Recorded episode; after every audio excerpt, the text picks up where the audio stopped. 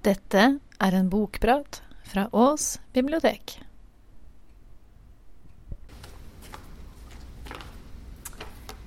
Ja. Jeg skal snakke om eh, en bok som heter 'Unnskyld'. Og hun som har skrevet den, hun heter Ida Hegazi Høyer.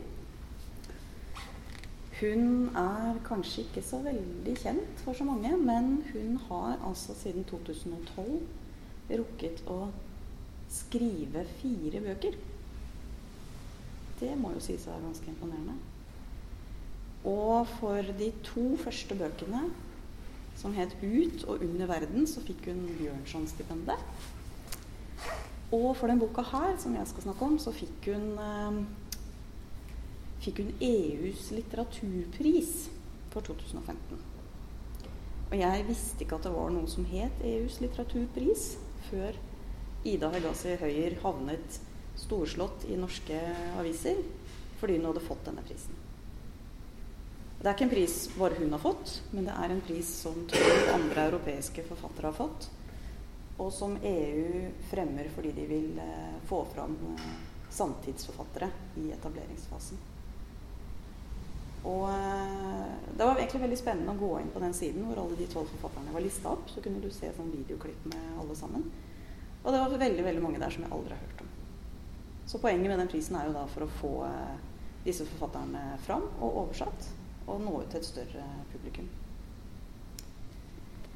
Men denne boka her, den handler eh, først og fremst om et kjærlighetsforhold. Et kjærlighetsforhold mellom en ganske ung kvinne på rundt 20 år, som vi ikke får vite navnet på, og en mann på 25 år som vi får vite navnet på. Han heter Sebastian. Og, øh, og det er en bok om deres altoppslukende kjærlighet og øh, baksiden ved den kjærligheten. Mm. Det er en uh, veldig sånn selsom historie, dette her. Og den begynner med uh, det første kapitlet, som bare er på tre sider. Den begynner med et veldig sånn tydelig frempek. Uh, vi møter hovedpersonen, som er den kvinnelige parten i det forholdet. Hun står ute på gata utenfor bygården der hun bor. Og hun skal egentlig bare inn, men hun ser at det står en svær seng på fortauet.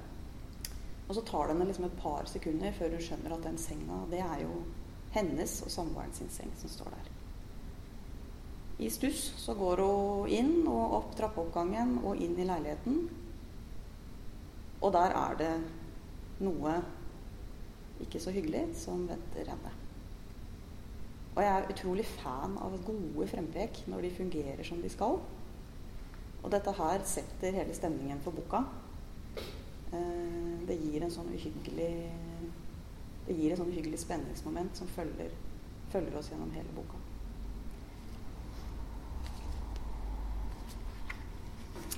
Men jeg har lyst til å lese for dere når disse to unge menneskene møter hverandre for første gang. Og de møter hverandre på en strand. Du kom imot meg, og jeg sto i vannet. Og du vek ikke med blikket, og jeg vek ikke med blikket. Og du var høy og mager, og jeg var lav og naken. Og du var 25, og jeg var 20, og du kom ned til vannet. Og du tråkka på klærne mine, og du bøyde deg ned, og du løfta en stein. Og jeg sto helt stille i det funklende lyset. Jeg kom aldri til å se noe sånt igjen. Du løfta den største steinen du kunne finne. Den lå halvveis ned i vannet, rett ved føttene mine. Må ha veid like mye som en halvvoksen mann. Men du fikk den opp, helt opp til brystet, selv om det dirra i armene dine. Og du så på meg idet du gikk forbi, langt nedover meg, og så nære var du. Jeg kunne lukte salt av deg, at det kom fra noe rent. Du lukta helt riktig, og du hadde på deg olabukser, og du gikk utover langsomt med den store steinen, mens vannet trakk seg stadig lenger inn, lenger opp, lenger igjen. Det kom ingen lyder fra land. Det var stille nå blant massene. Og du stoppa da vannet rakk deg til hofta. Du sto med havet inntil livet og venta på meg. Og da du kom, var armene dine røde. Vi sto i havet. Vi sto i lyset. Du var høy og mager. Jeg var lav og naken, og du kastet verdens største stein. For meg. Den gikk ikke langt, men det var ikke poenget. Et møte skildret på ganske sånn poetisk vis. Det er liksom ikke noe sånn Hei, hopp på stranda, skal vi ta en prat? Og det er veldig sånn uh, gjen, altså, Sånn er det gjennomført i denne boka. Veldig sånn stilsikkert språk. Og som dere kanskje også la merke til, så er det Jeg-personen er den unge kvinnen. Og hun henvender seg gjennom hele romanen til et du. Og da mener hun Sebastian. Jeg leste Denne boka her har blitt tatt for seg veldig grundig i eh, bokbloggmiljøet. Det har vært masse skriverier om denne boka. Masse. Og jeg leste på eller et sted i en blogg at det var en som beskrev det veldig fint. At uh, det var som å ha en venninne på besøk en sen kveld som satt og liksom fortalte deg om dette forholdet. Og det syns jeg var en veldig sånn fin uh, måte å si det på. Fordi du kommer veldig, veldig, veldig nært.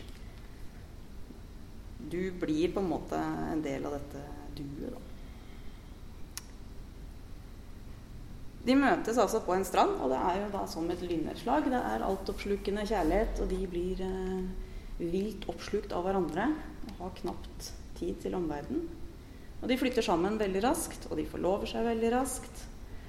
Og de Altså, de, de lever liksom ut den her veldig voldsomme kjærligheten. Eh, Sebastian er en veldig sjarmerende mann. Han er filosofistudent.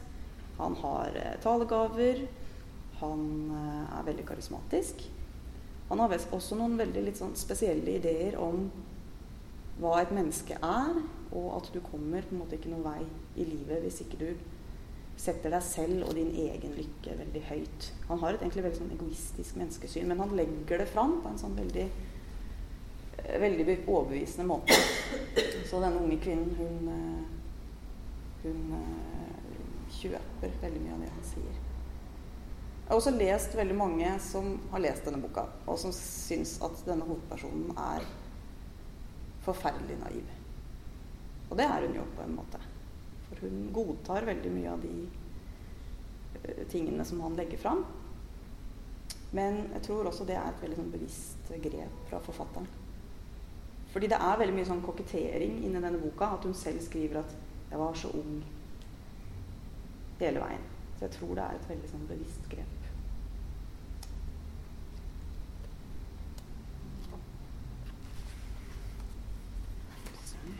Jeg leser litt om hvordan vi har det, da.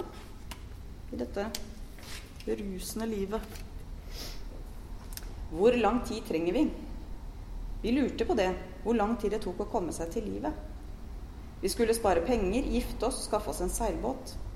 Vi skulle seile, se verden leve, som vi kalte det, før vi skulle hjem igjen.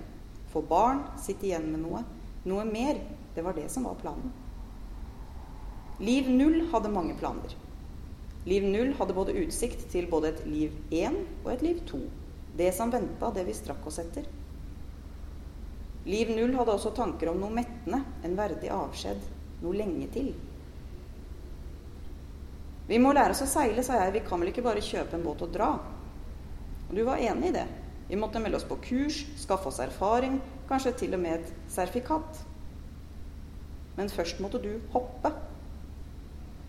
Dette var sånn sommeren så ut. Du skulle hoppe, og vi skulle hjem til den lille byen din, kjøre motorsykkel rundt i landet. Det var ikke tid for noe kurs, ikke ennå, men kanskje til høsten. Må du hoppe? spurte jeg. Og ja, det måtte du. Du sa det er så lenge siden jeg sist fløy. Jeg hata hoppinga di. Ble kvalm av det bare ved tanken. Fritt fall, ditt fall, hvit luft.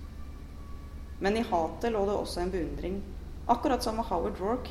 Alle fiendene hans var vel egentlig misunnelige, var det ikke sånn? Jeg vet ikke hvor mange ganger jeg ba deg om å la være. Sebastian, ikke hopp. Og du likte det, at jeg var redd for deg. Du kunne til og med le mens jeg trygla. Du trivdes der helt på kanten av engstelsen min, som den fryktløse. Herregud, sa du, tenk på havet, vet du egentlig hvor farlig havet er? Havet som vi skal over, det er ikke noe pent maleri. Det er ikke noe langstrakt horisont av soloppgang og solnedgang. Vet du hva havet er? Vil du vite det, du som skal ut og seile? At havet er en bunn. At havet er en hudløs, blodtynn overflate.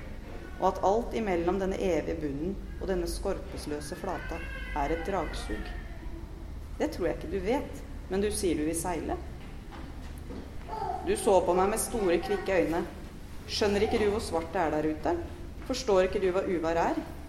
Du vet ikke engang hva svart betyr, du. Og drukningsdøden, hva vet du om den? Tror du at det er havmenn i bølgene som bærer deg gjennom? Tror du det kjennes som frihet når lungene fylles av vann? Eller tror du kanskje at det finnes usynkelige båter? At du bare kan legge deg til å sove når bølgene kaster inn? Er du idiot? Det var det du sa, selv om jeg ikke riktig trodde på deg. Du snakka i et høyere verdensvant toneleie, og egentlig så venta jeg på at du skulle smile det vekk. Hva med motorsykkel, fortsatte du. Hva med bil eller tog eller buss eller tråsykkel, for den saks skyld? Tenk på alle veiene du går, hvor nådesløse de er, hvor tilfeldige, hvor grunne og glatte gudløse. Tenk på hvor ubønnhørlig farlig det er akkurat her, akkurat nå, sa du. Om jeg hopper fra en klippe eller ikke hopper fra en klippe? Det fantes en pause der. Jeg vet hva jeg driver med. Jeg trenger å fly.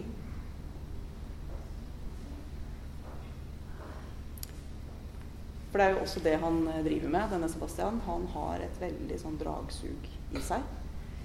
Jeg har ikke helt skjønt om han hopper, altså hva slags hopping han driver med, for det blir egentlig aldri forklart. Men han ønsker å liksom ta det store svevet fra en klippe. Eller fra et hus. Eller fra et fly. Det er en sånn dragning han har. Og han sier vel også til denne hovedpersonen at han liksom holdt på med sånn hopping en eller annen gang i fortida. Vært en sånn aktiv hopper. Men det kommer liksom ikke egentlig helt fram hva han har drevet med. Og så er det jo et eller annet når han snakker, så han snakker om dette dragsuget og dette svarte, og du vet ingenting. Så, så aner vi jo liksom at det er noe som ligger under der. Og det kommer liksom Du blir jo sånn urolig av å lese om disse to unge menneskene. Det gjør du. Eh, vi skjønner jo ganske raskt at det å liksom basere seg på et så altoppslukende forhold som det de to gjør, det er ikke så veldig sunt. Og et av de aller første tegnene som, som kanskje burde gjøre at det ringer noen bjeller hos uh, kvinnen, da, det er at han uh, gir henne en ring av fiskesnøre. Litt spesielt. Få en ring av fiskesnøre. Og den ringen den gjør så innmari vondt den gnager liksom huden hennes. da. Hun, men hun tar den aldri av. Hun har den på sånn når hun dusjer, når hun er, jobber. Hun jobber i en barnehage. Det er ikke så veldig praktisk med fiskesnørering når du jobber i en barnehage. Eh, tar den aldri av. Hun får betennelse, tar den fortsatt ikke av. Og så begynner den å gå inn i huden. Setter seg i huden hennes. Til slutt så kommer det ny hud utenpå. Og det her er jo en veldig, veldig tydelig metafor på at hun har Sebastian liksom alltid i seg, og hun kan ikke ta han av seg. Har hun av seg ringen, så tar hun liksom også av seg han. Og selv om det er fiskesnøre, så fikk jeg liksom litt sånne assosiasjoner til sånn piggtråd. Jeg så liksom for meg sånn piggtrådring, selv om ikke det var det. Det var fiskesnøre.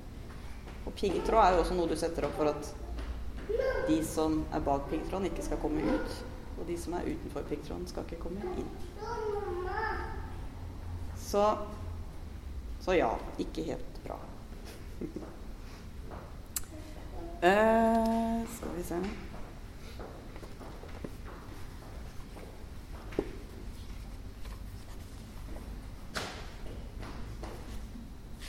Men noen kommer jo litt inn, da. Så det er jo foreldre og familie med i bildet her. Så jeg tenkte jeg bare skulle lese litt om uh, Sebastian og den unge kvinnen og et besøk de har av hennes mor. Jeg hadde bakt en kake. Vi drakk kaffe i stua, og mamma satt og titta på tingene våre. Hun hadde vært der før i leiligheten, men nå som den var fylt opp og dekorert, var den jo på en måte ny. Særlig skyskrapebildene var hun interessert i. Hun betrakta dem lenge, lenge og flere ganger. De der er vel dine, sa hun etter hvert og så på deg. Du nikka stolt. Ja, det er jeg som har kjøpt dem, ja, men de er jo våre, da, sa han. Skotta bort på meg. Så fortalte du om hvordan bildene var inspirert av Howard Wark, om hvor vakre og stolte bygningene var, høyreiste i så mange betydninger. Men mamma så ikke noe annet enn kjedelige høyhus. Mamma skjønte ikke poenget, og hun la ikke skjul på det. Howard Rorke, sa hun Jeg hevde øyenbryn. Er ikke det en roman? Men du lot deg ikke affisere verken av blikket hennes eller av spørsmålet. Du fortsatte bare å prate. Sa at du likte Howards syn på egoisme, det å leve uavhengig av andre, det å leve for seg selv verken for eller av noe annet. At det var det som var tingen. Og at hvis alle bare hadde gjort det, ville samfunnet vært bedre og sunnere og langt mer naturlig. For da hadde egeninteressen ligget til grunn for alle handlingene våre. Da hadde vi vært lykkelige, sa du. Og du klappet hendene sammen og åpna munnen i et digert glis før du avslutta. Og lykken, lykken måtte vel for faen være at både målet og moralen, eller hva? Egoismen er jo egentlig flott, sa du. Det er altruisme som er ødeleggende, ikke sant? Du så på oss med barnlig iver, som om du ventet på at appellen din skulle synke inn. Og du beit deg ikke merke at mamma hadde fått stramme, tynne, nesten hvite lepper. Hva er det som er så ødeleggende med altruismen? spurte hun.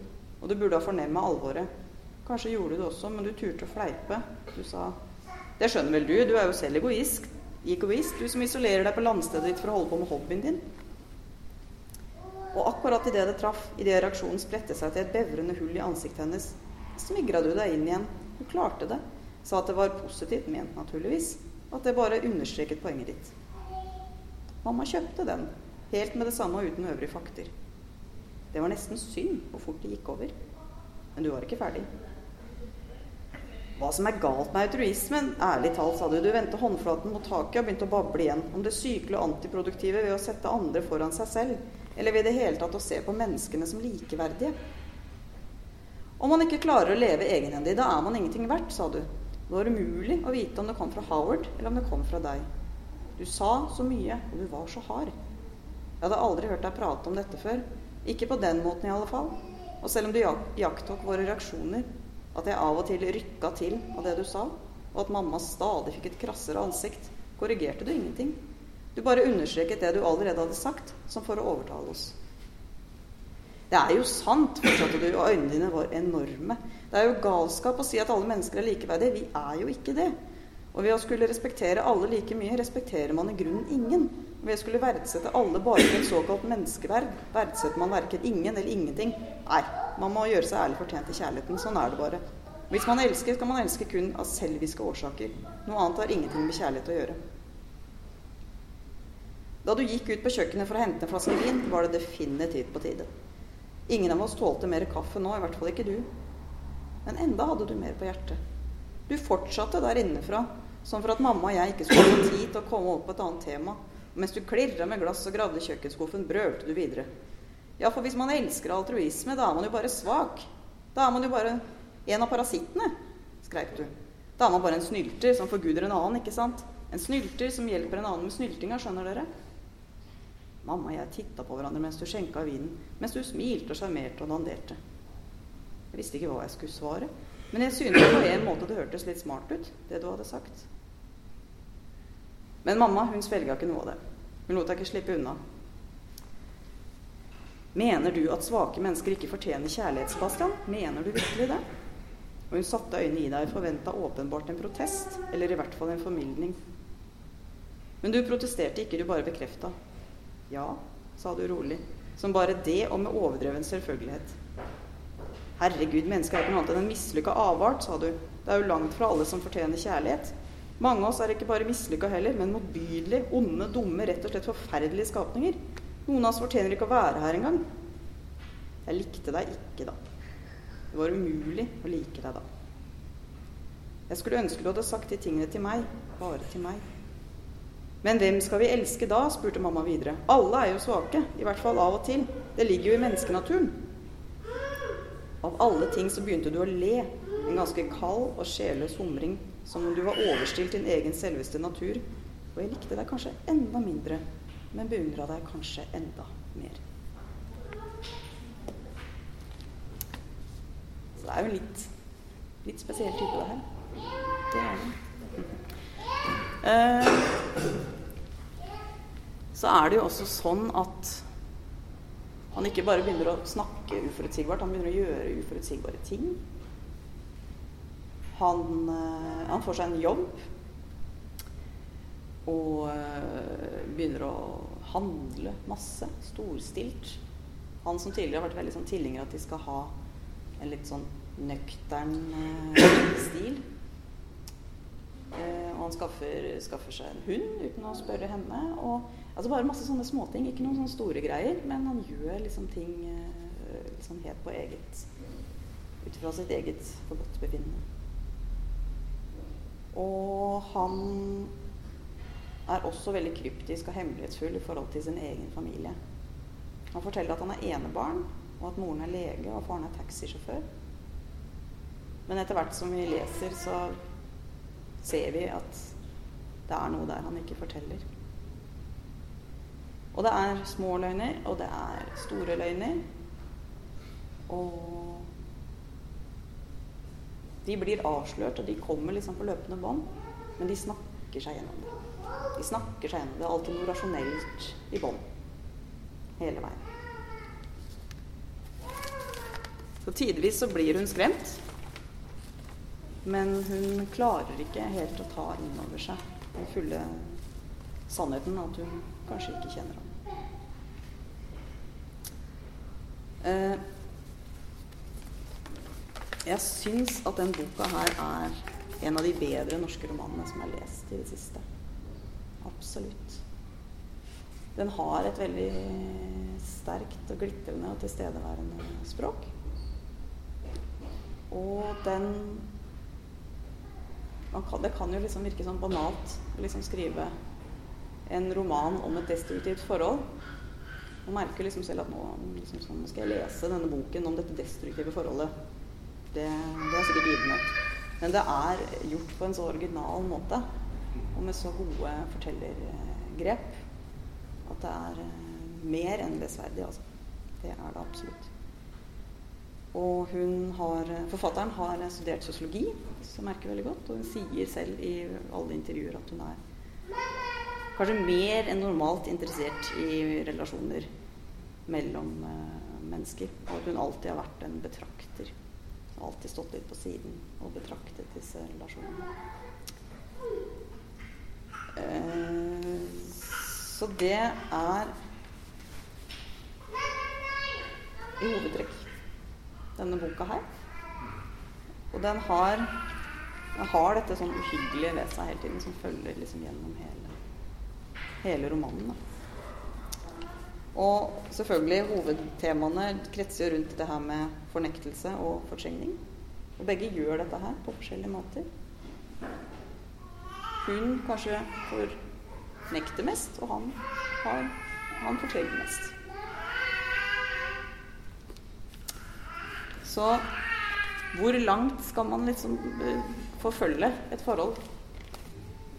Før, altså må alle varsellampene blinker, liksom, men du bare velger å ikke se dem. Det, det er vel et av de store spørsmålene i denne boka. her. Løst på en veldig original og god måte. Og så skriver du veldig godt. Skriver veldig godt. Kjenner du til andre bøkene? Altså den helt nye noen Nei, jeg har ikke lest noen av de andre bøkene. Nettopp nettopp oppdaga Jeg har det. Mm.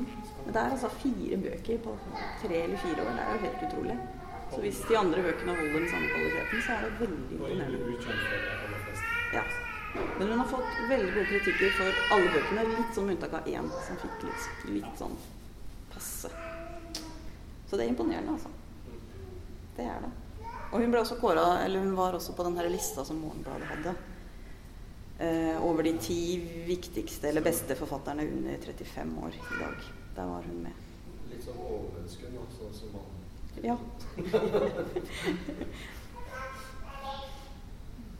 ja. Perfekt.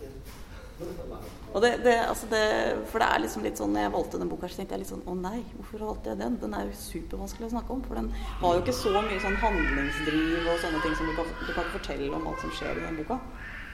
Men det er jo på en måte den, det språket, da, den måten vi får fram denne relasjonen som er. Og det må jo bare sies at dette er også absolutt en bok for menn. For Bjarne, mannen til Elin som jobber på Ås bibliotek, han mente hun burde få Nobelprisen for denne boka. Så dette er ikke noe typisk eh, damebok. Det er veldig store temaer. Så Veldig store temaer. Ja. En sånn håp, menneskehåp mot menneskehøys mot mm. Det er jo mm. Vel verdt. Men takk for at du hørte på. Det var veldig hyggelig. Tusen Skal